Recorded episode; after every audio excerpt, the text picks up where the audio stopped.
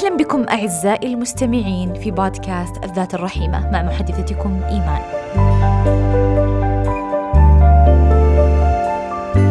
هدف هذا البودكاست هو أن يكون لمسة حانية لكل ذات تعاني، وأن يكون مصباح من نور يحتضن الخطى برفق في دروب الحياة. حياكم الله مجددا مستمعيني الكرام. طبعا مثل ما أنتم شايفين من عنوان الحلقة راح نتكلم اليوم عن النوم. نبغى نفهم ليش النوم مهم وإيش علاقته بصحتنا بشكل عام وإيش علاقته تحديدا بصحتنا النفسية. وكمان نبغى نعرف كم مفروض ننام وكيف نحن ممكن نتخلص من مشكلة عدم النوم بسهولة أو ما يسمى بالأرق. إيش في طرق علمية؟ إيش في اقتراحات؟ آه، ممكن نستخدمها علشان ننام بسلام أكثر وبدون تعب. طبعا لما ينام الإنسان يدخل كأنه في مرحلة اللاوعي. فيعني علشان نفهم النوم ما نقدر نجيب إنسان لما يصحى ونقول يلا حكينا إيش صار في النوم وكيف نمت وإيش سويت في النوم. لكن بسبب يعني الفضول العلمي في هذا المجال آه، طبعا في أجهزة يعني يعني خلينا نقول متقدمة آه، استخدموها لقياس موجات الدماغ ونشاطها كيف يكون وقت النوم. وأجريت دراسات كثيرة في أماكن مختلفة يعني في العالم؟ نتاج هذه الدراسات يقول طبعا إن الإنسان لما ينام سبحان الله يدخل في خلينا نسميها دورتين مختلفتين من النوم. طبعا هذه الدورتين تحدث كل تسعين دقيقة تقريبا يعني. طبعا مش مش يعني العدد أو الرقم هذا بالضبط يتغير من شخص إلى شخص لكن تقريبا تقريبا المتوسط هو 90 دقيقة. آه، يمر الإنسان فيها ما بين دورتين مختلفتين وتنتهي وتنعاد دورتين هذه المختلفتين لباقي الوقت وهو نائم. طب تعالوا خلونا نشوف الدورتين هذه. كيف تفرق عن بعض؟ وإيش يصير داخل كل واحدة فيها؟ وكيف كل واحدة فيها مهمة لسبب معين؟ طيب الدورة الأولى نقدر نسميها دورة النوم الهادئ.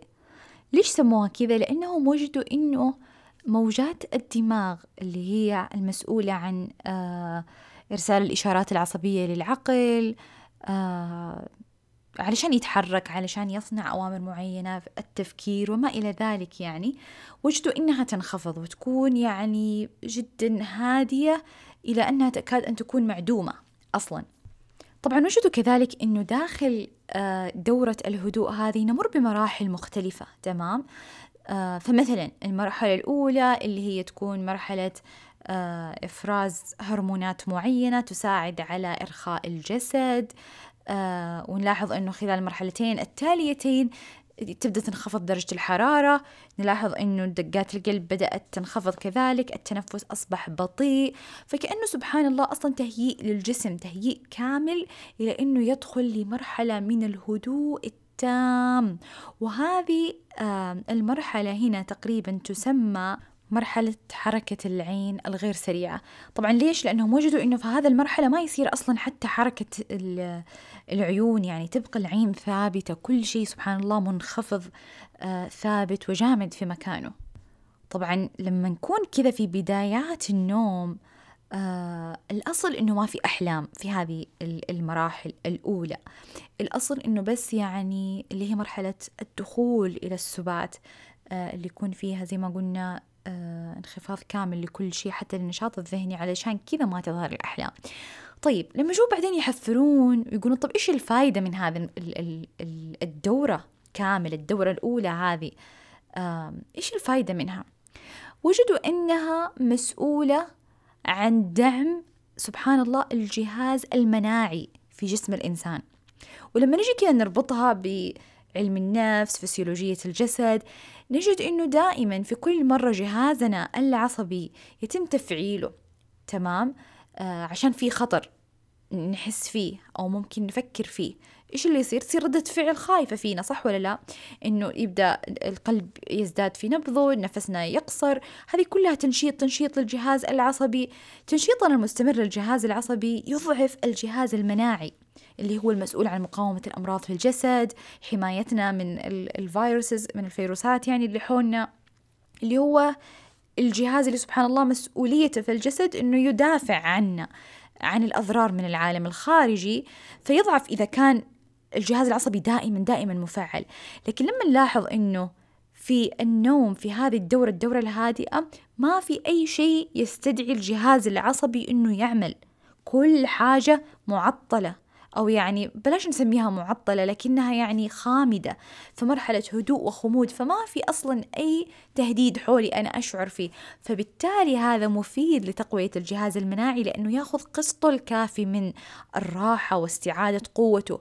فوجدوا أنه في رابط قوي أصلا ما بين الجهاز المناعي آه، والنوم تحديدا في هذه الدورة الهادئة.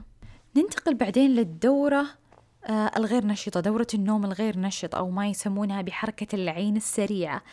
آه هذه طبعا معاكسة تماما للدورة الأولى اللي كان فيها الجسد. فنلاقي إنه في هذه الدورة الآن نبضات القلب رجعت لمعدلها الطبيعي أو ممكن حتى تسرع شوي. آه نلاحظ إنه البرودة اللي في الجسد يعني آه استبدلت بالدفء في الجسد. آه ونلاحظ كذلك زي ما قلت إنه العيون تتحرك حركة سريعة يعني آه حتى والإنسان مغمض عيونه وهذا يدل على وجود أصلا نشاط في الدماغ عالي. وجوده كذلك طبعا أنه الموجات آه العصبية في ذيك الفترة فهذه عفوا الدورة آه طالعة نازلة طالعة نازلة بطريقة يعني معاكسة تماما للطريقة الهادئة اللي كانت سبحان الله موجودة في ذات الدماغ قبل دقائق معينة. إذا اللي نبغى نعرفه إنه هذه هنا هي مرحلة حدوث الأحلام. هنا الإنسان يبدأ يحلم لأنه العقل الآن أصبح نشط أصبح يفكر فيبدأ يربط الأشياء أشياء من الماضي أشياء من الحاضر رغبات عند الإنسان مشاعر معينة عند الإنسان. في مقالة علمية نشرتها هارفارد ذكروا أنه في علاقة قوية ما بين الصحة النفسية آه، وقوة الذاكرة وجودة الذاكرة والمرحلة هذه تحديدا مرحلة النوم النشط. لما نجي نفكر فيها اللي يحدث إنه الإنسان يحلم يرى صور يرى أشياء يرى أناس يشعر بمشاعر معينة. يعني كثير منا كثير منا صحيوا من النوم يشعرون إما بغضب تجاه إنسان معين يشعرون يمكن بالإشمئزاز يشعرون بالحب يشعرون بالاشتياق لأنه تم تأجيج هذه المشاعر آه، في الحلم. فوجدوا إنه في علاقة مباشرة ما بين استقرارنا العاطفي وكذلك تخزين المعلومات آه، لأن لتصبح يعني طويلة المدى. عشان كذا يمكن كمان كثير طلاب يلاحظون فترة الاختبارات لما ينام يعني قبل لا ينامون تكون المعلومات ما هي مرة واضحة بالنسبة لهم أو ما يتذكرونها بشكل سريع لكن مجرد ما ينامون. يحصلون على نوم كافي سبع ثمان ساعات يصحون اليوم الثاني نسألهم نفس السؤال ويجاوبونه بكل سرعة. وتكون المعلومات أكثر وضوح في عقولهم ليش؟ لأنه في هذه المرحلة تحديدا يتم خلينا نقول تخزين المعلومات وتحويلها من الذاكرة قصيرة المدى آه، أو الذاكرة اللي يسمونها الذاكرة العاملة ال work memory اللي في مقدمة الدماغ إلى ذاكرة طويلة المدى. خلينا نخزنها هناك عشان تبقى للأبد أو لفترة أطول عندنا.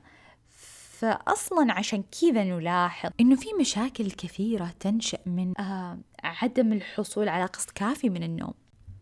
وكثير ناس لو سألناها نجي نلاقيها تقول والله أنا أتنرفز كثير إذا ما نمت كويس. طبعا في ناس كمان كثير تشتكي إنها تشعر بتعب وإجهاد يعني بشكل عام. وما تعرف إيش سببه. ولو جينا نلاحظ يمكن نلاقي إنه مر مثلا أسبوع أو أسبوعين على هذا الشخص إنه ما أخذ قسط كافي من النوم والقسط الكافي من الراحة في الليل. فتعالوا بس كذا نستعرض بشكل سريع إيش هي أضرار طيب السهر؟ أو أضرار عدم النوم الكافي والحصول على آه، ساعات كافية من النوم. طبعا الدراسات تقول إنه في رابطة مباشرة ما بين الصحة العامة والنوم الذي يحصل عليه الإنسان. يعني تحديدا خلينا نقول في علاقة ما بين جهاز المناعة الجهاز المناعي اللي يدافع عن الإنسان تجاه مثلا الأمراض الفيروسات الأمور هذه والنوم الحصول على النوم كافئ ومرضي لجسد الإنسان. نلاحظ أن الناس اللي عندها يمكن مشاكل أرق أو الناس اللي ما تبالي كثير بنوم تصاب كثيرا بالعدوى إنه تمسك فيهم هم الأمراض بشكل عام. كذلك وجدت دراسات إنه في رابطة عجيبة جدا ما بين آه يعني إدارة المشاعر أو التعامل مع المشاعر الصعبة بشكل عام والنوم الجيد. يعني نلاقي أنه في علاقة كذلك ما بين المزاج مزاج الإنسان بشكل عام شعوره بالرضا شعوره بالسعادة شعوره بالاستقرار وما بين النوم. الناس اللي تنام ساعات أقل تشعر بالنرفزة أكثر تشعر بالعصبية أكثر تشعر بالتوتر أكثر. ولو نتذكر في بداية الحلقة إنها ترجع لدورة النوم النشط اللي يصير فيها آه، تعامل مع المشاعر تخزين لها العقل يحاول يفهمها ويستوعبها وينظمها بطريقة معينة. فالناس اللي ما تأخذ نوم كافي يعني اللي يحدث إنه ما تتخزن بالطريقة المناسبة ما يمدي العقل إنه ياخذ الأمور اللي شافها في يومه ويربطها بالأشياء اللي من قبل بمفاهيمه. فعشان كذا يعني جزء منها إنه لسه الأمور ما هي منتظمة آه، جسديا عند الإنسان وذهنيا بالتالي طيب نيجي الآن لسؤال طب كم هي الساعات اللي مفروض نحن ننامها؟ إيش هو النوم اللي يعتبر نوم كافي ونوم غير كافي؟ طبعا في كثير من الدراسات كثير من الأبحاث ويعني آراء مختلفة ومرات نسمع ناس يقولون يعني يعتمد على جسم الإنسان ومرات يقولون لا آه هذا يعني شيء ثابت لكل البشر. والحقيقة إنه ما في إجابة. للأسف يعني كعادة العلم يعني إنه ما في إجابة صارمة وقاطعة وتقول هذا الأكيد وما دون ذلك يعني خطأ.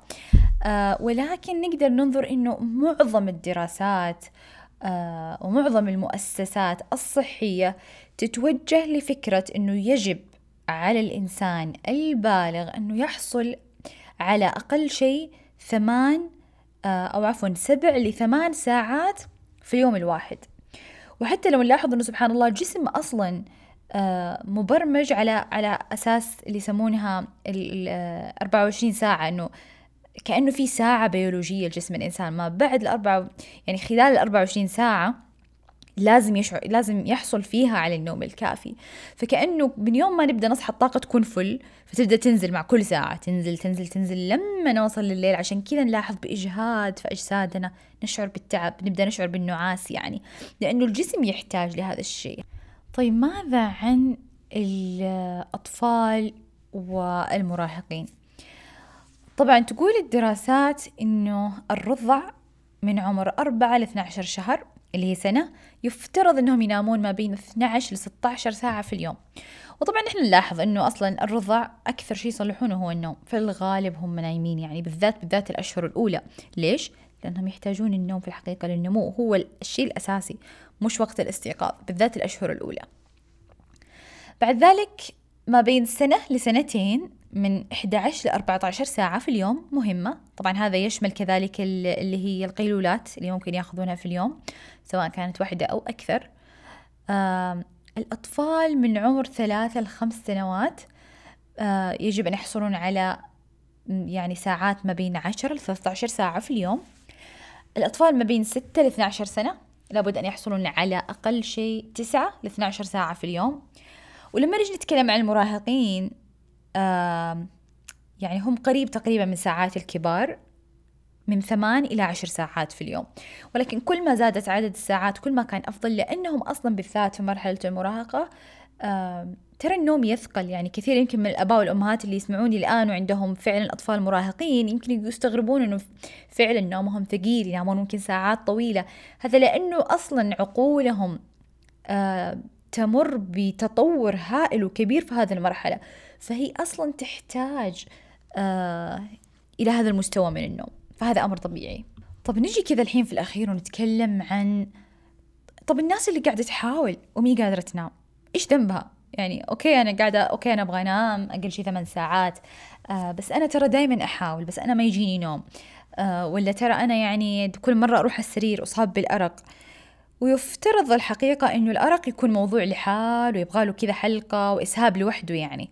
لكن لما نجي نتكلم عن طب إيش الطرق اللي تساعدنا؟ سواء أنا عندي مشكلة ولا أنا ما عندي مشكلة في النوم بشكل عام ما هي الطرق اللي تساعدنا علشان نحافظ على جدول آه نوم يعني يعتبر صحي ويساعدنا وما نتضرر نحن في يومنا. نقول يعتمد على حاجتين. إيش الأشياء اللي ممكن نسويها خلال اليوم تساعدنا علشان ننام كويس في الليل؟ وإيش الأشياء اللي أنا مفروض أصلحها في وقت الليل عشان أقدر أنام نوم متواصل طويل وكويس؟ ويعني أنام على طول وما أقعد في أرق يعني. خلينا نبدأ بالأشياء اللي نصلحها خلال اليوم. في الغالب هي سهلة ويعني شيء معظمنا نقدر نسويه. طبعا القهوة كثير من الناس تحبها ودحين مجرد ما بتسمع كلمة القهوة ممكن تقول أوه لا هذه مستحيل ما أقدر عليها. خلينا نقول الإنسان اللي يبغى ينام كويس وبشكل عام سواء عندك أرق ولا ما عندكم أرق ابتعدوا عن القهوة من وقت الظهر تمام؟ إلين الليل خلاص. يعني مفترض مثلا على الساعة 12 الظهر أو واحدة الظهر ما عاد أشرب قهوة بعد هذا الوقت. لأن القهوة يبقى أثرها في الجسد حتى لو مرت فترة طويلة تمام؟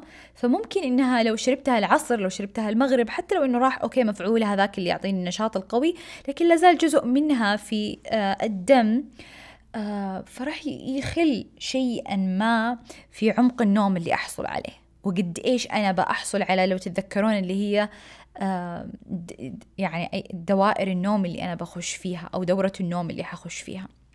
لأنه وجدت الدراسات إنه القهوة أحيانا لما لما تشرب بكميات كبيرة ما تساعد الناس إنهم يخشون في اللي هو النوم النشط اللي هو مرة مهم ويمكن أهم من النوم الهادئ لأنه هو اللي يحدث فيه الاستقرار العاطفي يعني ويحدث فيه اللي هي أمور الذاكرة. يعني أكثر شغل العقل ونحن نايمين يكون في هذيك المرحلة مرحلة النوم النشط فكثير من اللي يشربون القهوة ممكن ما يصلون أو ما يحصلون على القدر الكافي من هذه المرحلة من النوم.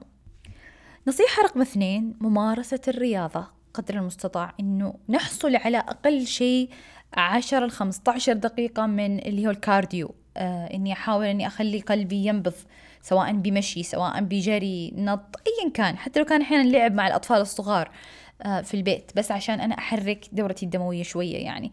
هذا وجدوا أنه يساعد على حصول الإنسان على النوم أعمق أصلا في الليل.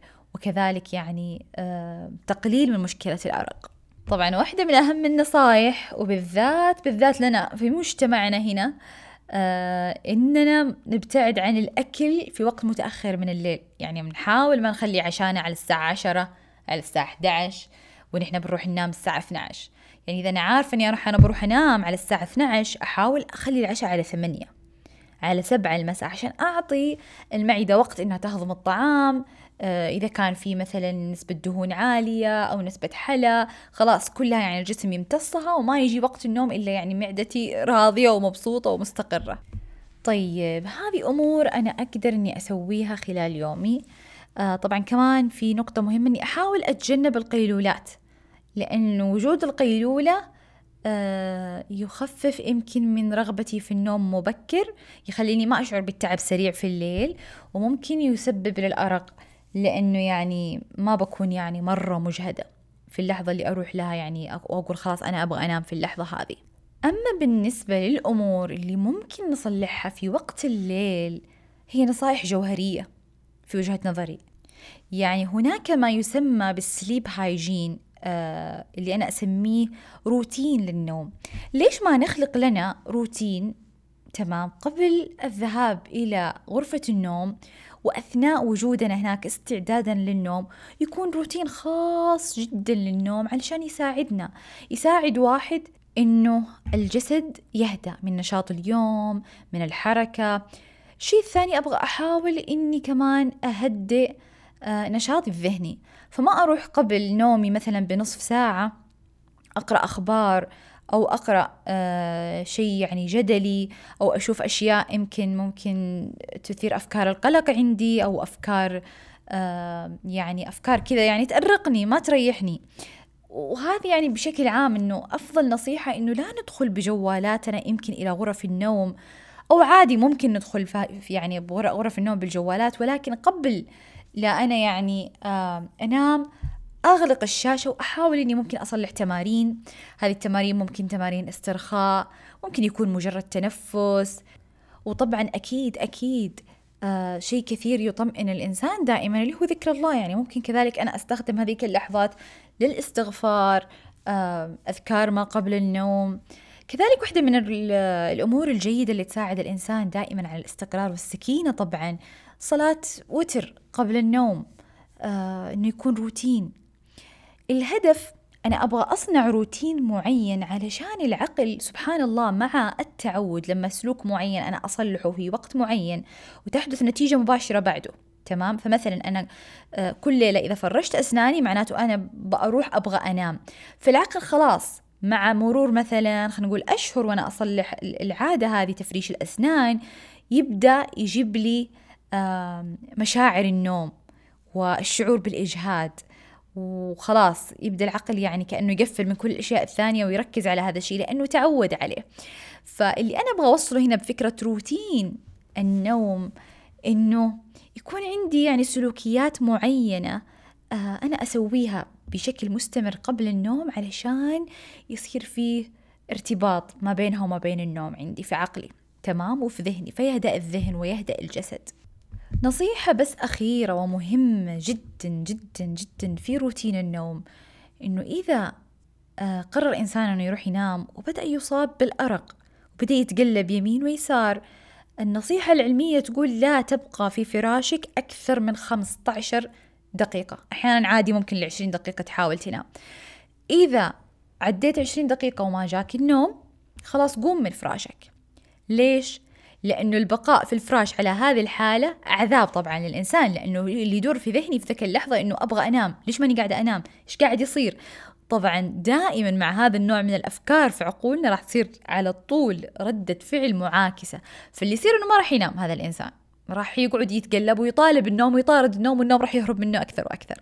فعشان كذا النصيحة النفسية دائما تقول قم وروح إن شاء الله امشي في البيت أه صلح لك حاجة كذا يعني تكون هادية كمان ما تكون مرة تنشط العقل.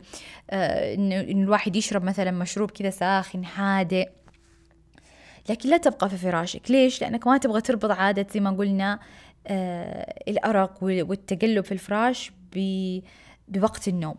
يعني واحدة من الأفكار المهمة إنه أوكي خلينا نحاول إننا ننام. ونصلح كل هذه الأشياء اللي تساعدنا علشان نبعد عن مشكلة الأرق ونغرق في النوم. ولكن ترى بتجي ليالي وبتجي لحظات ترى ما حنقدر فيها إن ننام. فالنصيحة في ذيك اللحظة إنه لا نستمر نحاول ننام. لا بأس. لا بأس إنه تمر علي ليلة ما أقدر أنام فيها ليلتين ما أقدر أنام فيها آه وممكن أصلح نشاط بديل. لكن فكرة الضغط هذه أصلا ومقاومة النوم يعني الشيء المضحك سبحان الله والعجيب إنها يعني تخلق كأنها عدو أصلا. في ذيك اللحظة يقاوم النوم معنا. فكرة جميلة كذلك ينصح فيها العاملين في المجال النفسي إنه ربط آه، أجواء معينة وطقوس معينة بمكان النوم. فمثلا يعني درجة برودة معينة تكون في الغرفة آه، هي خاصة فقط لوقت النوم ممكن روائح معينة روائح عطور أزهار معينة هي خاصة فقط لوقت النوم. آه، ممكن زي ما قلنا روتين معين إنه مثلا استحمام ما قبل النوم كريم معين يوضع فقط قبل النوم. هذه كلها طرق ووسائل لجذب أو لربط آه، سلوكيات معينة عشان تجهز العقل وتقوده للشعور بالإجهاد والرغبة في النوم. بكل سلام. وبكذا نكون وصلنا لآخر هذه الحلقة. شكرا لكم مستمعيني الكرام على المتابعة ولا تنسون آه، ال like وال share إذا عجبتكم. أحب كمان أذكركم أني أنا أرحب في أسئلتكم استفساراتكم واقتراحاتكم سواء على إيميل البرنامج أو على صفحتي في تويتر. وكونوا بخير وسكينة وسلام. إلى لقاء آخر إن شاء الله.